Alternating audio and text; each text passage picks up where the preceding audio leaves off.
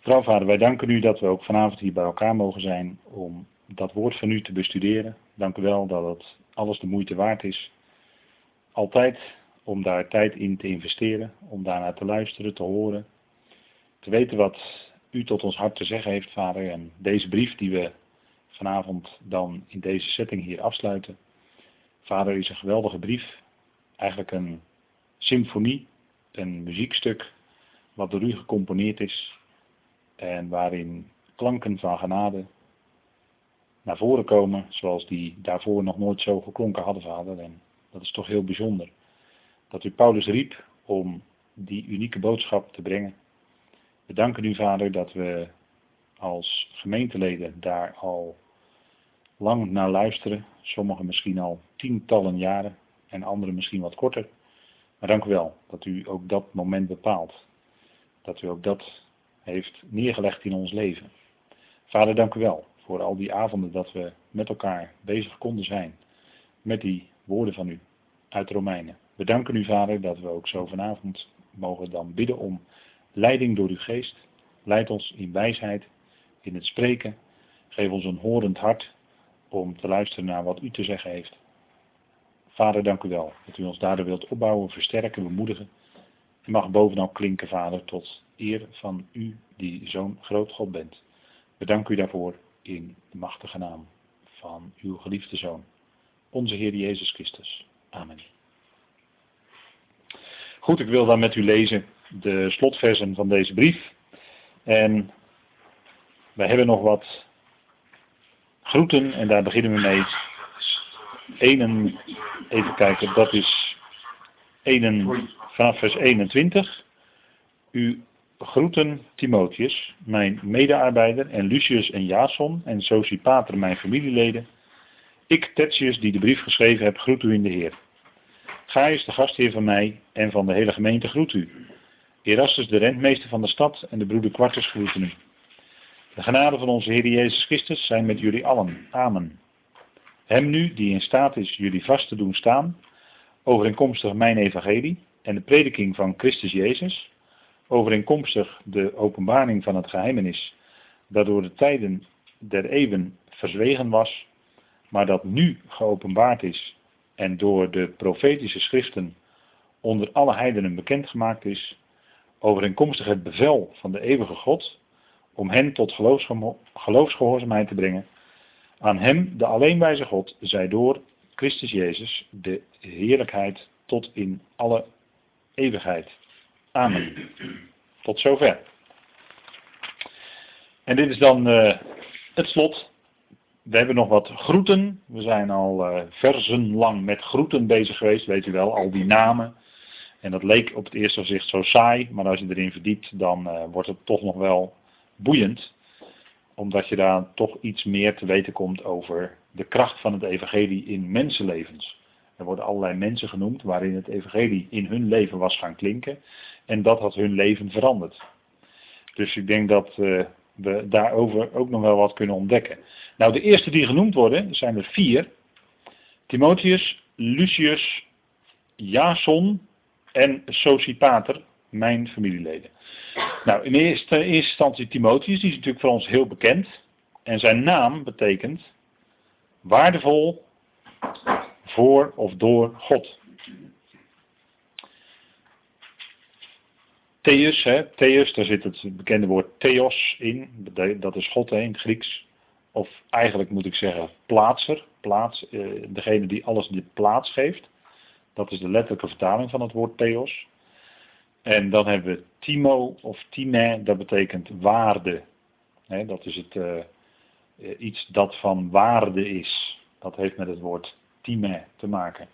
Vandaar Timotheus waardevol voor of door God. Hij was een kind, een geestelijk kind van Paulus. En hij wordt hier genoemd mijn medearbeider, hè? dus mijn gezamenlijk werker staat er eigenlijk. Het was iemand die Paulus tegenkwam, en ik meen ergens in Handelingen 16 lees je dat. En vanaf dat moment was hij eigenlijk iemand die met Paulus ging samenwerken. En dat is toch wel bijzonder, want het was ook iemand die bleef met Paulus samenwerken. En dat kon je niet van iedereen zeggen in die tijd. Het was iemand die erbij bleef. Die werd geroepen door het evangelie. En hij bleef er ook bij. Hij bleef Paulus medewerken. Hij bleef met Paulus samenwerken in het evangelie. En vandaar dat Paulus dan ook, wat we dan noemen zijn geestelijk testament, tweede Timotheusbrief, aan deze broeder schrijft. Dus hij geeft zijn boodschap en alles wat daarmee te maken heeft, de verantwoordelijkheid, om het zo maar te zeggen, voor de diverse gemeentes, geeft hij door aan Timotheus. En die moet dan verder gaan. Hè? En Paulus zegt dan, leid kwaad met het evangelie tegen Timotheus. Hè? Dat is opmerkelijk dat je als een goed soldaat van Christus Jezus uh, moet lijden, kwaad moet lijden. Hè? Normaal gesproken is een soldaat iemand die anderen leed toebrengt om het land te verdedigen of aan te vallen desgewenst. Maar Timotheus was een soldaat die moest kwaad ondergaan, die moest kwaad lijden met het evangelie. En dat is wat ook gebeurt. Hè? Als je met het evangelie van Paulus op pad gaat, dan kom je dat tegen. Dan zul je vroeg of laat kwaad moeten lijden met dat evangelie. En dat is wat uh, tot op vandaag aan de dag geldt. Als u het leven van broeder nog zou lezen, dan zou u daarvan uh, in zijn leven een, een, een, treffend getuigenis kunnen lezen, aflezen. Hè, wat broeder nog allemaal meegemaakt heeft. Jonge, jonge, jonge, jonge. Hoe hij door broeders is behandeld. Je wil het niet weten, maar het staat wel allemaal genoteerd hoor. Er staat wel iets van genoteerd, niet alles, maar wel iets. Ik zal niet in de details treden, maar uh, dat is heel wat hoor. Dat is echt kwaad lijden met het evangelie. Hè? Belasterd worden. Ik zal u de namen niet noemen, want het zijn tot op vandaag de dag grote namen hoor, onder gelovigen. Maar door diegenen is broeder nog belasterd. En dat is, dat is ik weet dat dat een hele, hele uitspraak is, maar eh, ik kan het aantonen. En uh, kijk, broeder nog was iemand die ging recht door zee alleen voor het woord. En die kwam bij Paulus uit. Hij kon niet anders. En uh, dat bracht kwaad in zijn leven. Hij moest kwaad leiden met het evangelie. Precies, hij bevond zich op een gegeven moment precies in dezelfde situatie als Paulus zelf. En denk erom dat dat is, dat dat niet makkelijk is. Dat, uh, nou, kijk, lijden is het woord pascho in het Grieks. En dat, dat heeft alles te maken met emotie. En de grondbetekenis van het woord is emotie. Dus lijden is niet zomaar wat. Maar dat, is, uh, dat gaat dwars door je heen hoor. Nou, uh, Paulus die leed kwaad met het evangelie. En hij zei dat ook tegen Timotheus. Leid kwaad met het evangelie. In de NBG wisten ze niet goed met wat ze met zo'n zin aan moesten omdat ze eigenlijk niet goed doorhadden wat het precies betekende. Maar uh, denk erom dat het gewoon precies zo is zoals Paulus dat zegt. En Timotheus moest dus ook die gang gaan, die Paulus zelf ook, hè, daar had Timotheus zelf al natuurlijk het nodige van gezien in Paulus' leven. Maar goed, als je zelf dan in front komt te staan, wat, wat op een gegeven moment Timotheus moest doen, ja, dan, eh, dan dat wordt wat. Dat wordt wat hoor. En uh, dat, dat is ook wat je, wat je constateert. Dus als je echt met dat woord bezig bent, dat je dus altijd, uh, dat er dus altijd strijd is om het woord. Altijd. als je het woord naar voren brengt, echt het woord zoals geschreven staat, dan is er strijd. Altijd. En uh, ja goed, het is een, uh, je kan zeggen dat is een goede strijd, inderdaad. Maar dat is niet altijd makkelijk. Dat is alweer heel wat anders. Maar goed, de Heer is nabij, dat wist Paulus en dat wist Timotheus ook. En uh, dat, dat is de verzekering die we hebben. De Heer is nabij. Hè, dat, uh, bij, bij Paulus zegt het ook, bij zijn eerste verdediging had niemand hem bijgestaan. Maar de Heer natuurlijk wel. De Heer was er wel bij. Nou, uh, dat zijn zo van die aspecten hè, die hierin meeklinken, hè, als zij dat zo zegt hier. Timotheus, dat is een naam die Paulus met veel liefde heeft, hier heeft laten opschrijven omdat het een, een trouwe, echt een trouwe medewerker was die echt bleef samenwerken met Paulus. Kijk, Paulus, Timotheus, het was een geestelijk kind van de apostel. Hij was, uh, ze hadden schouder aan schouder gestaan en op een gegeven moment uh, ja, werd Paulus toch wat ouder en uh, moest hij toch de zaken gaan overdragen. Ja, dat gebeurt en Timotheus heeft dat mogen doen. Nou, dan hebben we Lucius, Jason en Sosipater, waarvan Paulus zegt dat zijn mijn familieleden. En wie dat dan precies waren, ik weet het niet. Dat is verder niet bekend. Uh, deze Lucius komt wel voor, namelijk in de gemeente in Antiochië. En Lucius, dat, dat komt uit het Latijn, dat betekent lichtgevend. Denk maar aan een lucifer. als je in een donkere kamer een lucifer aansteekt, heb je ineens licht. Nou, dat is eh, lucifer, dat is afgeleid dus van het Latijnse woord, lux. Dat is licht in het Latijn. Nou, daar is van afgeleid. Verder weet ik niet veel van het Latijn hoor, want dat ken ik verder helemaal niet.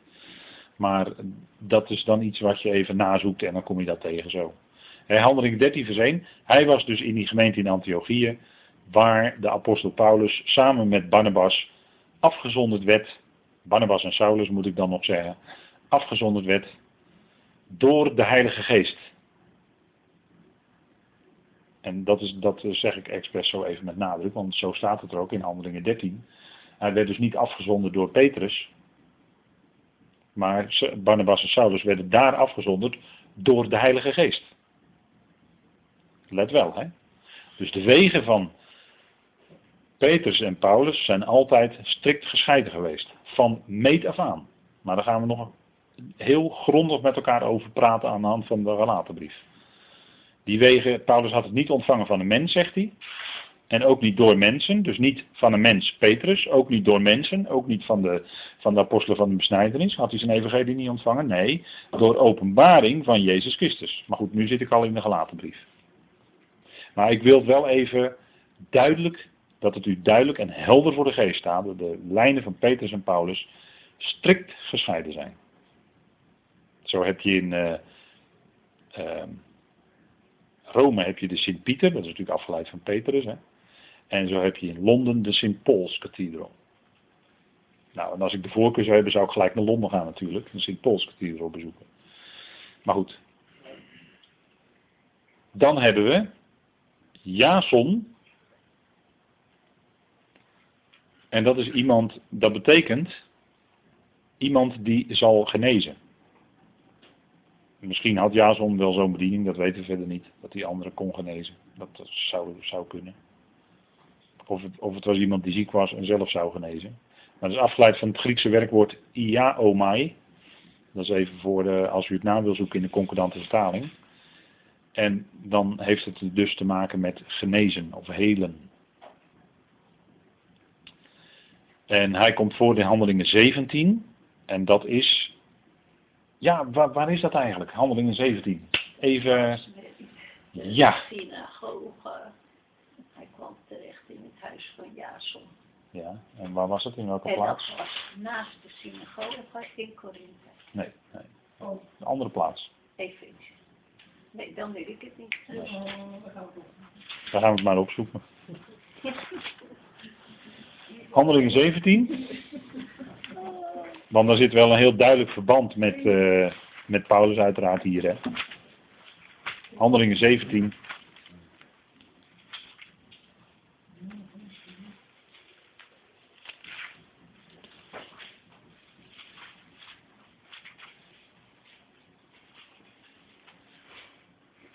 Vers 1. En ze namen de weg door Amphipolis en Apollonia en zij kwamen in Thessalonica, waar een synagoge van de Joden was. Dit is in Thessalonica. Hè, dat, daar, eh, dateren, of daar komen de brieven aan de Thessalonicensen uit voort. En dan zien we dus die Jason in vers 5 naar voren komen. Laten we maar even kijken. Er gebeurt hier wat eigenlijk steeds gebeurde. De Joden waren ongehoorzaam en jaloers. Handelingen 17 vers 5. Maar de Joden, die ongehoorzaam waren, werden jaloers en namen enkele slechte mannen uit het markvolk apart, veroorzaakten een oploop en verstoorden de orde in de stad. En ze kwamen op het huis van Jason af en probeerden hen voor het volk te brengen. En moet je kijken wat er gebeurt om het evangelie, wat Paulus dacht te, te verstoren. Hè. Moet je kijken wat, wat daarvoor allemaal uh, overeind werd gehaald. Maar toen zij hen niet konden vinden, sleepte zij Jason, en enkele broeders voor de bestuurders van de stad en riepen luid, deze die de wereld in rep en roer gebracht hebben, zijn ook hier gekomen. En Jason heeft hen in huis genomen. En deze mensen handelen allen tegen de geboden van de keizer, want ze zeggen dat er een andere koning is, namelijk een Jezus. En ze brachten de menigte en de bestuurders van de stad die het hoorden in verwarring. Maar toen zij van Jason en de anderen een borgsom ontvangen hadden, lieten zij hen gaan. Dus hier zien we de opmerkelijke plaats die Jason krijgt in dit verslag. Uh, hij is iemand die uh, Paulus uh, in huis nam en daar zijn huis kennelijk openstelde voor de boodschap. En dat kwam hem duur te staan, want hij moest een borgsom betalen. He, dus kwam hem letterlijk duur te staan. Ja, hij moest een borgsom betalen en daardoor konden zij gaan. Ja, dat, dat gebeurde daar. En kijk, kijk, u moet opletten wat hier gebeurt, hè, want dit is heel tekenend. Het evangelie wordt hier gebracht door Paulus en, en Silas. En dan wordt er een oproer veroorzaakt. Uh, de menigte wordt in verwarring gebracht, hè, dus oproer, verwarring. Uh, en uh, er worden lastenpraatjes rondgestrooid. Dus oproer, verwarring, lastenpraatjes. En ik vertel u dat er vandaag niks nieuws onder de zon is. Dat het nog, nog op diezelfde manier gaat. Alleen dan niet zo letterlijk een stad waar hele meuten in oproer. Maar er wordt dan bijvoorbeeld onder gelovigen wordt oproer gemaakt. Of gelovigen worden in verwarring gebracht. Geestelijke verwarring. Allerlei wind van leer en dat soort dingen. Worden gebracht in het kielzog als het evangelie van Paulus klinkt. Altijd. Het is altijd zijn het dezelfde dingen. En lastenpraatjes. dat is uh, wat hier ook gebeurt natuurlijk.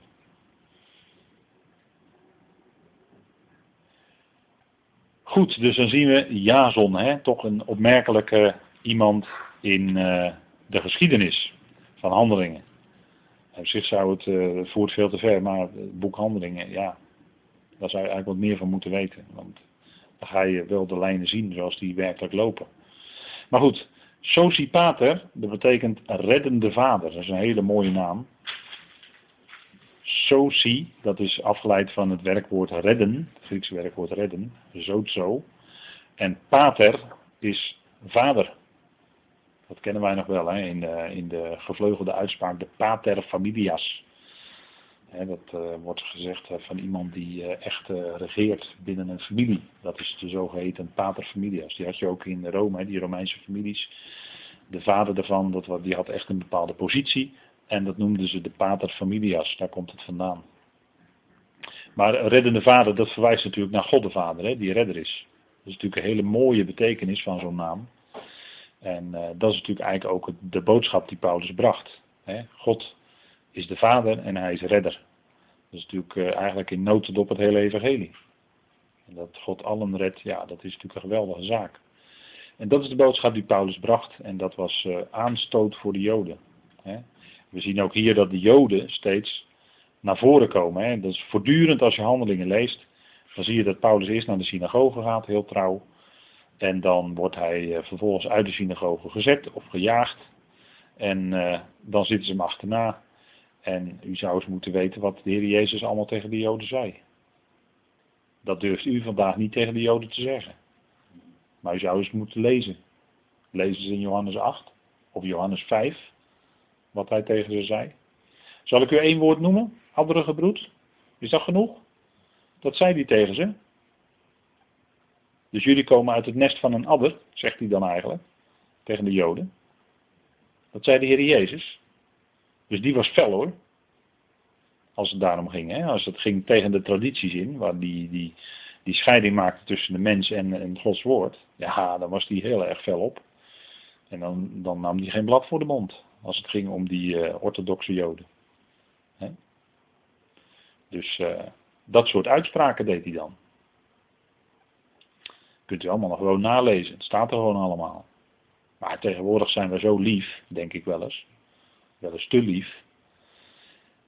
Maar uh, lees maar naar wat de Heer Jezus zelf zei. Nou, dan gaan we verder met uh, Romeinen 16, anders dan uh, voert het allemaal veel te ver. Um, ik, Tertius, zegt hij dan in vers 22, die de brief geschreven heeft, groet u in de Heer. Tertius was de scribent, Paulus dicteerde. Tertius uh, noteerde. En vandaar dat hij hier even een persoonlijke notitie maakt. En dat zal in die tijd ongetwijfeld vaker gebeurd zijn. En dan zegt hij, ik tertius, en tertius betekent derde. En met de derde, ja, daar kun je natuurlijk weer allerlei, daar kun je natuurlijk weer allerlei dingen mee. Hè? De derde, dat is altijd, uh, dat heeft in ieder geval altijd iets te maken met de vervulling van de belofte. De belofte en de vervulling ervan. Die de brief geschreven hebt, groet jullie in de Heer. En let u op dat in de Heer, dat is in de Curios. Hè, dat is in de, de totaal machthebber. Hè. Curios is natuurlijk een geweldige titel die in die tijd ook voor de Romeinse keizer bijvoorbeeld werd gebruikt. Nou, dan ziet u hè, dat, uh, dat, het, uh, dat zij erkennen natuurlijk Jezus als Heer. Dat was hun beleidenis. Jezus is Heer. En dat zal uiteindelijk ook iedere tong beleiden. En dat betekent dat je Jezus erkent als de Heer van jouw leven. Dat, uh, dat je Hem erkent als degene die het in jouw leven voor het zeggen heeft. Dat is natuurlijk heel. Dat is natuurlijk een enorme verandering in je leven als je Hem leert kennen. Dan eerst is je eigen ik en, en allerlei draden van andere dingen die de leiding hebben in jouw leven. Maar als je Jezus leert kennen, dan wordt Hij Heer van je leven ineens. Bij Paulus was dat een schokeffect hè, op weg naar Damascus. Maar het was ineens, hij, die, hij ontmoette de Heer. Hij ontmoette de Curios. En uh, dat is natuurlijk iets geweldigs. Nou, en, en zo schrijft Tertius, ik groet jullie in de Heer, in die Curios, die ze allemaal erkenden. Al die gelovigen erkenden Jezus als Heer. Alle tong zal, zal, dat eens gaan beleiden. Geweldige, geweldige lofzang zal dat zijn in het universum als, uh, al die schepselen dat gaan beleiden van harte. Nou, dat is geweldig. Tertius was iemand die dat bij zijn leven al, uh, bij zijn aardse leven al mocht doen. En uh, hij, hij had een bijzondere taak, namelijk om deze brief op te schrijven. Dit enorme bericht, dit enorme evangelie wat Paulus uh, dicteerde, mocht Tertius opschrijven. Dat is toch, toch een hele bijzondere uh, toch een heel bijzonder iemand is hij dan geweest. Hè? Weer zo'n instrument in Gods hand, kun je zeggen.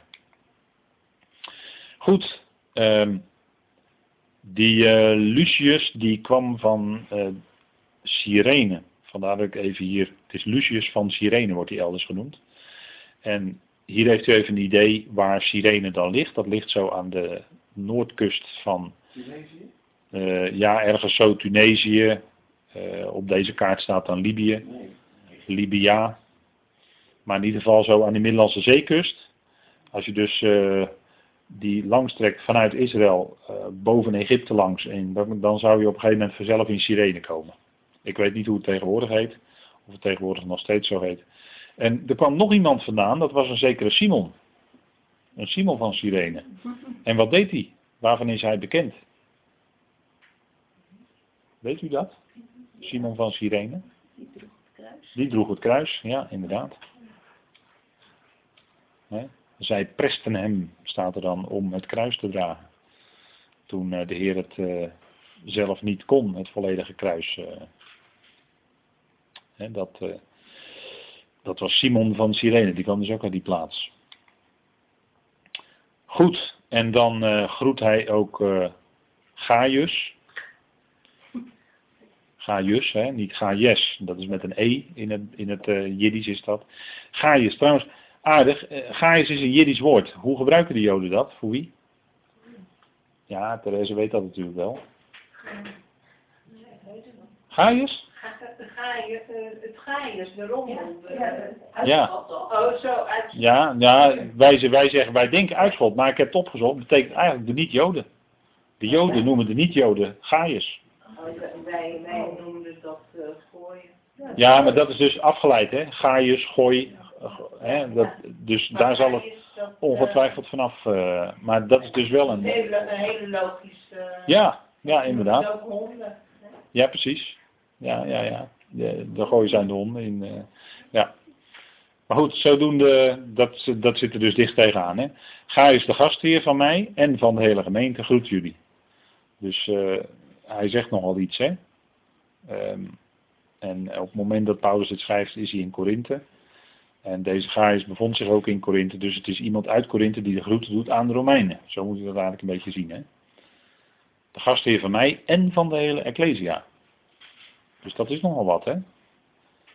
Gastheer, een, uh, Wij zeggen dan uh, misschien een herbergier hè, in de middeleeuwen. U ziet uh, daaronder een plaatje van een middeleeuws geklede iemand. Dat, zo zag een middeleeuwse herbergier eruit. Maar het woord hier betekent eigenlijk vreemde. En dat kan zijn een vreemde die zelf te gast is. Maar het kan ook zijn iemand die vreemde, een vreemde ontvangt als logé, zeg maar. Hè. Dus een, een vreemde is dan iemand die niet tot de eigen huishouding behoort. Uh, die daar bijvoorbeeld dan zou kunnen overnachten. Nou, dat is dan uh, ook een gastheer. Dus het is, dat woord heeft dan twee kanten. Maar dit is natuurlijk wel een bijzondere iemand, want uh, hij is ook gastheer van de hele gemeente. Dus al die gemeenteleden die waren bij hem welkom. En dat is, gastvrijheid is natuurlijk een hele goede zaak. Goed, we gaan gauw verder. Erastus, de rentmeester van de stad, en dat is de stad Korinthe. En de broeders Quartus en de broeder Quartus groeten u. En Erastus, dat is niet te verwarren met Erasmus, maar Erastus is dit. Dat komt van het Griekse werkwoord era, erao, waar we ons woord eros van kennen. En dat duidt op de lichamelijke liefde. Die, dat begrip komt in de Bijbel niet voor, maar wel komt voor de agape of de filia de filijn of de agape. Uh, agape is de goddelijke liefde. En de filijn is zeg maar de broederlijke liefde, dus uh, onderling. En uh, deze, hè, eros, dat komt in de Bijbel niet voor. Maar goed, dat is, daarvan is dit woord, of deze naam, is daar wel van afgeleid. Um, nou, Erastus was, was, dus een bijzondere figuur, want hij was rentmeester van de stad. En uh, ja, dan, dan uh, in, in, je zou kunnen zeggen, het heeft iets met de administratie te maken. Misschien een soort burgemeesterachtige functie of wat dan ook. Zou het kunnen zijn. In ieder geval was er iemand waar Paulus kennelijk een broeder was, die door Paulus Prediking geroepen was. En ja, toch een bijzondere positie dan in die stad bekleden.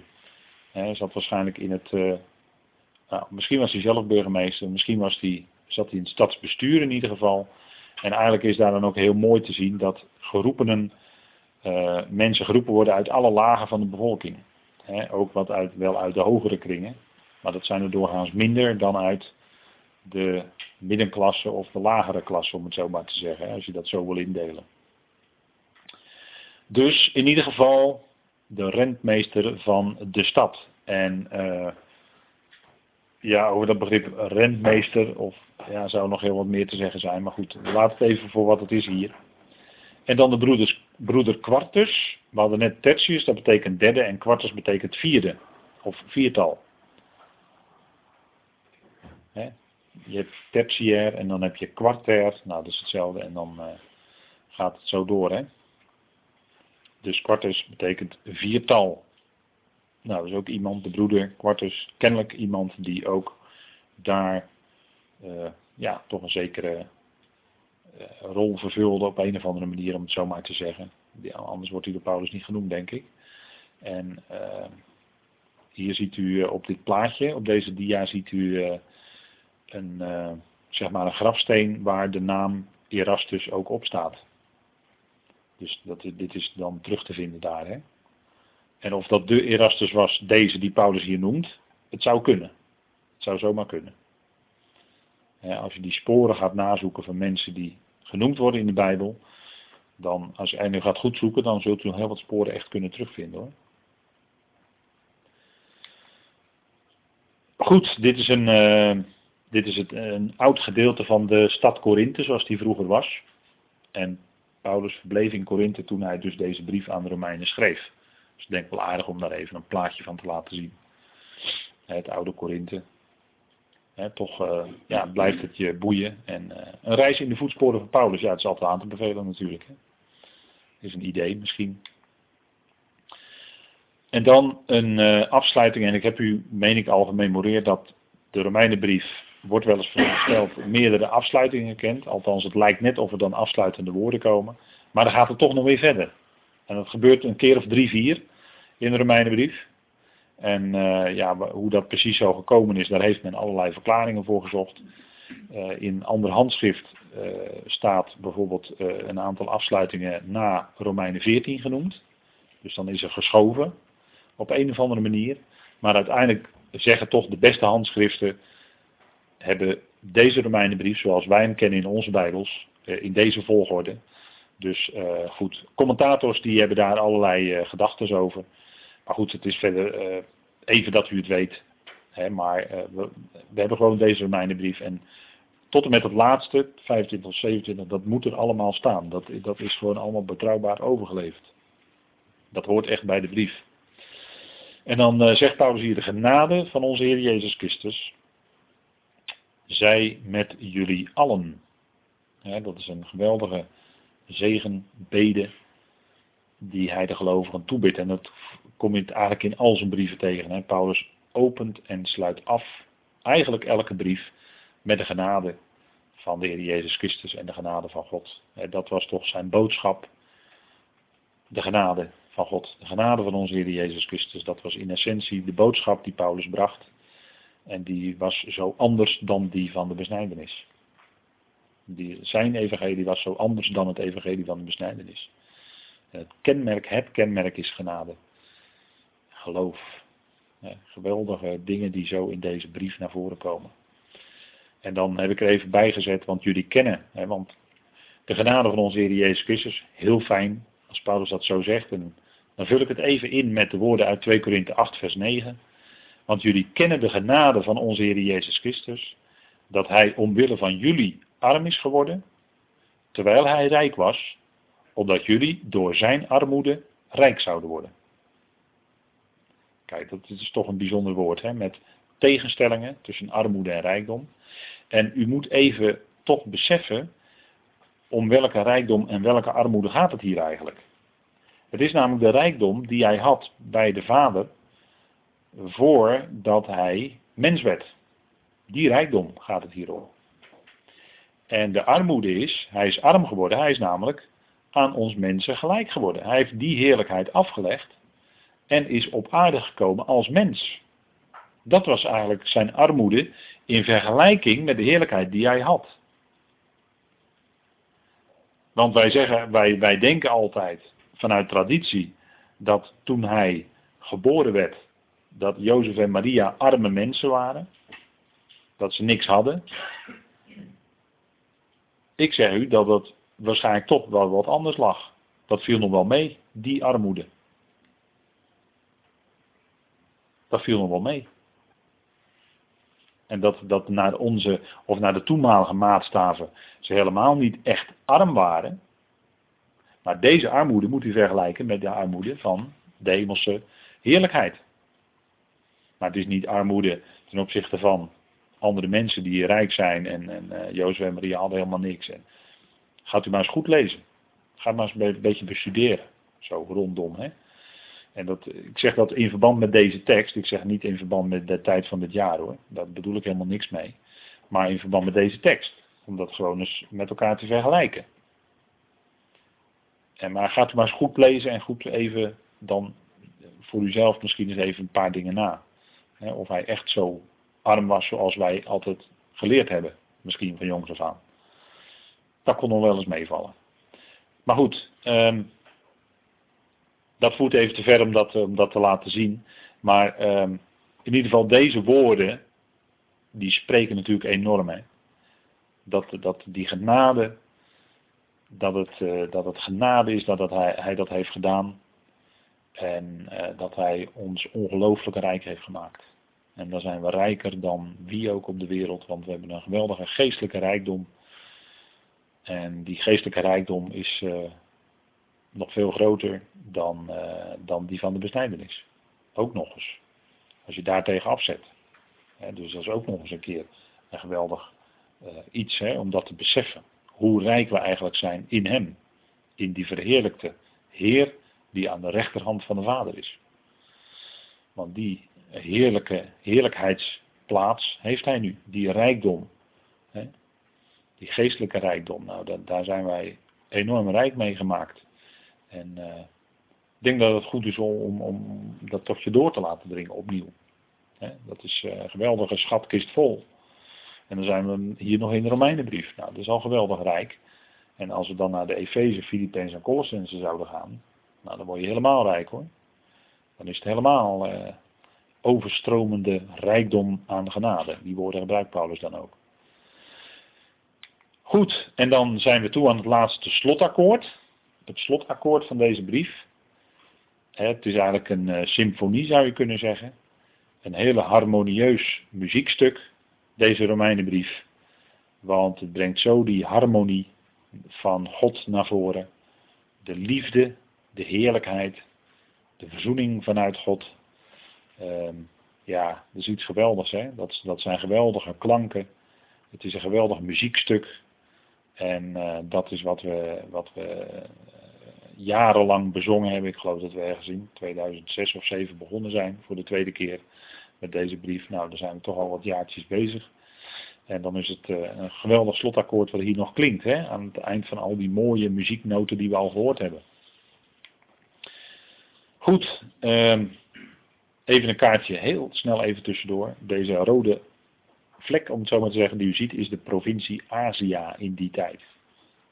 En in die provincie lagen dus Efeze, Filippi, Colosse, hè, dat soort plaatsen. Laodicea, dat lag in deze provincie. Maar goed, Paulus die sluit dan de brief nu eindelijk af, echt af, met de laatste verse. En dan zegt hij in hoofdstuk 16, vers 25, hem nu, die in staat is jullie vast te doen staan, overeenkomstig mijn evangelie en de prediking van Christus Jezus, overeenkomstig de openbaring van het geheimenis, dat in de tijden van de eonen verzwegen was. En uh, nou, dit is, dit is natuurlijk al een, eh, een enorme tekst waar heel veel in staat. En uh, eigenlijk zit daar die hele brief onder, hè, die Paulus geschreven heeft. En, en Paulus heeft dat in die hele brief laten zien. Want dan heeft hij het over God. dit is natuurlijk een, een, een inleiding van die lofprijzing op God zelf. En dan begint hij met te zeggen, hem nu die in staat is, hè? hem die, die het kan. Daar zit ons woord dynamiet in. En dynamiet, dat gebruiken we om een enorme explosie tot stand te brengen. En er zit natuurlijk een enorme kracht in. dan, daarom heeft men gekozen, toen, toen dat uitgevonden werd, om daar het woord dynamiet voor te gebruiken. Maar dat woord was natuurlijk al veel ouder. Dat, komt uit het Grieks dus. En uh, dat betekent, we kennen ons woord dynamiek, kennen we er ook van. Iets wat heel dynamisch is. Nou, uh, dynamis, du, hè, dat, dat is het woord wat Paulus hier gebruikt. Ehm, dat wil zeggen, God die in staat is, de kracht heeft, enorme kracht heeft zelfs, om jullie vast te doen staan. Hè? het, is, het evangelie is Gods kracht, is Gods kracht om mensenlevens te veranderen. Het evangelie, het evangelie van God. Het evangelie is die kracht. Die werkt in mensenlevens, een geestelijke kracht. Die werkt in mensenlevens om, om levens te veranderen. Dat is wat God doet, hè? levens veranderen. Door zijn woord. Door de kracht van het woord. En dat, dat, dat, is, nou, dat evangelie is natuurlijk geweldig iets. Dat is echt goed nieuws. En dat, dat is zo afwijkend van de religie. Religie is altijd dat de mens iets moet doen. Maar het evangelie, dan gaat het om geloof. En geloof heeft geen verdiensten. Geloof is simpelweg ontvangen. En gewoon in je hart zeggen, ja heer, dat beaam ik, dat geloof ik. Zo is het. En dat geeft je kracht. Dat brengt vreugde in je hart. Dat, hè, dat, dat brengt iets in je waardoor je leven gaat veranderen. En, en dat is God die in ons werkt met zijn kracht. En dat is de God die in staat is. Hè, ons ook door het evangelie vast te doen staan. Hè, daar, daar, daar, daar zit een woordstam in. Als je heel ver teruggaat in het Grieks. Dat heeft ook te maken met opstanding. Met opstandingskracht. Dat blijkt ook uit het woord wat gebruikt wordt. En uh, God die doet ons vaststaan en steeds vaster in dat woord. In dat woord wat Paulus bracht. In dat evangelie wat Paulus mocht brengen. Waarvan hij zegt het is mijn evangelie. Nou en dat, dat, is, uh, dat blijkt uit deze brief. Hè? hoe krachtig die boodschap is. Als die boodschap tot je komt. En, en, en, het, en het komt in je hart. Misschien wel als, als dynamiet ineens. Hè? Als een, ineens als een explosie kan het bij je inslaan. Maar het kan ook heel geleidelijk gaan. Dat je steeds meer overtuigd wordt van die waarheid. En dat het steeds vaster in je wordt. Zo kan het ook. Maar het is door prediking. Het is door het woord. Het is door horen naar het woord. En het is niet door allerlei ingewikkelde poespas. Het is niet door allerlei dingen die mensen moeten doen. Nee, het is gewoon dat evangelie. Dat is die kracht van God. Het evangelie is goed nieuws. En het, het laat ons zien de genade van God. Ehm, en, en dat sluit dus al onze werken gelukkig uit. Nee, het is allemaal zijn werk in ons. En, en dat, is, dat is ook juist je kracht. dat het zijn werk is. En zijn werken in jou, in ons, in, in u en mij als gelovigen. Nou, dat, dat is bijzonder, hè. Nou, hem die in staat is, hè, lees daar niet langs, maar dat is God. God is in staat. God heeft dat vermogen om, om mensenlevens vast te maken en, en uh, onwankelbaar te maken in het evangelie. Dat kun je niet uit jezelf, maar dat doet hij, dat werkt hij in ons uit. Geweldig is dat. Nou, hij doet jullie vaststaan, zegt Paulus. Dat, dat zag hij ook bij de gelovigen. En dan zegt hij, dat is overeenkomstig mijn evangelie en de prediking van Christus Jezus. Misschien staat er in uw vertaling Jezus Christus, maar dat is nou typisch iets wat dus in die tijd kennelijk al aan discussie onderhevig was. Jezus Christus, Christus Jezus, was kennelijk in die tijd al strijd over, kennelijk. Maar het gaat om Christus Jezus. De beste handschriften zeggen Christus Jezus. Dat betekent Christus voorop, de gezalfde, zijn titel betekent de verheerlijkte Heer. De prediking van Christus Jezus. Wat, wie predikte Paulus? Paulus predikte niet Jezus Christus op aarde, maar Paulus predikte de verheerlijkte Heer aan Gods rechterhand. Dat was zijn boodschap. En dat is een andere boodschap dan, dan wat in de Evangelie staat. Hoe Jezus op aarde rondwandelde, daar heeft Petrus het over. Opdat jullie in zijn voetstappen zouden wandelen. Nou, dat is inderdaad, dat is het Koninkrijksevangelie. Dat is een hele andere zaak. Is ook evangelie, maar dat is voor een andere, andere zaak, andere tijd, andere uh, besnijdenis. Het is voor de besnijdenis enzovoort. Maar hier gaat het om de prediking van Christus Jezus. De verheerlijkte Heer aan de rechterhand van God. Dat is de boodschap die Paulus bracht. En die boodschap is uniek. Die vindt u niet bij de andere apostelen. Die vindt u niet bij Petrus, Johannes en Jacobus. Gaat u maar zoeken, u zult te vergeefs zoeken, ook niet bij Judas. Ook niet in de Evangelie, Matthäus, Marcus, Lucas, Johannes. Nee, de boodschap van Paulus was uniek. De brieven van Paulus is een uniek geheel, is een unieke boodschap die zich onderscheidt van de boodschap van de besnijdenis. Ik hoop dat u dat goed tot u door laat dringen, misschien bij vernieuwing. Maar uh, dat is, zo is het. En ik zou zeggen, wijk daarvan niet af. En het is overeenkomstig de onthulling van het is dat in de tijden van de eonen verzwegen was. Kijk, Paulus zegt hier nogal wat hoor. Hij zegt hier nogal wat. Dit soort uitspraken komt u nergens anders tegen in de Bijbel, alleen bij Paulus. En als u zegt dat het wel zo is, dan wil ik dat graag zien. Maar u komt het nergens anders tegen. Zo spreekt Paulus wel vaker. God doet ons vaststaan. Het is het werk van God in de gelovigen. En Paulus zegt het is overeenkomstig mijn evangelie. En u kunt dat vinden in de teksten die op deze dia staan afgedrukt. Het is al eerder gezegd in Romeinen 2. Het staat ook in 2 Timotheus 2 vers 8. dus drie keer in zijn brief heeft hij het over mijn evangelie. Om het af te kaderen van de anderen. Was gewoon een afkadering.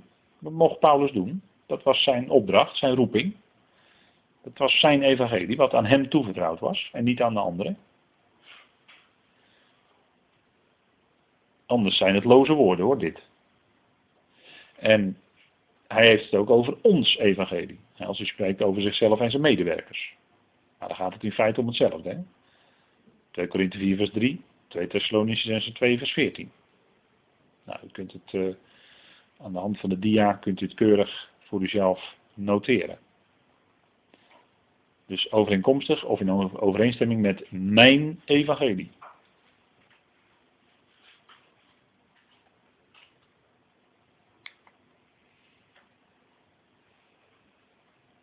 En als u zich afvraagt, ja, wacht even, wacht even, wacht even. Mijn evangelie, wacht even, wat is dat nou precies? Zeg, probeer dat eens even heel kort weer te geven. Nou, dan gaan we daar even over nadenken met elkaar, maar we gaan eerst nog even een bak koffie nemen. En dan gaan we na de pauze daar even verder over nadenken.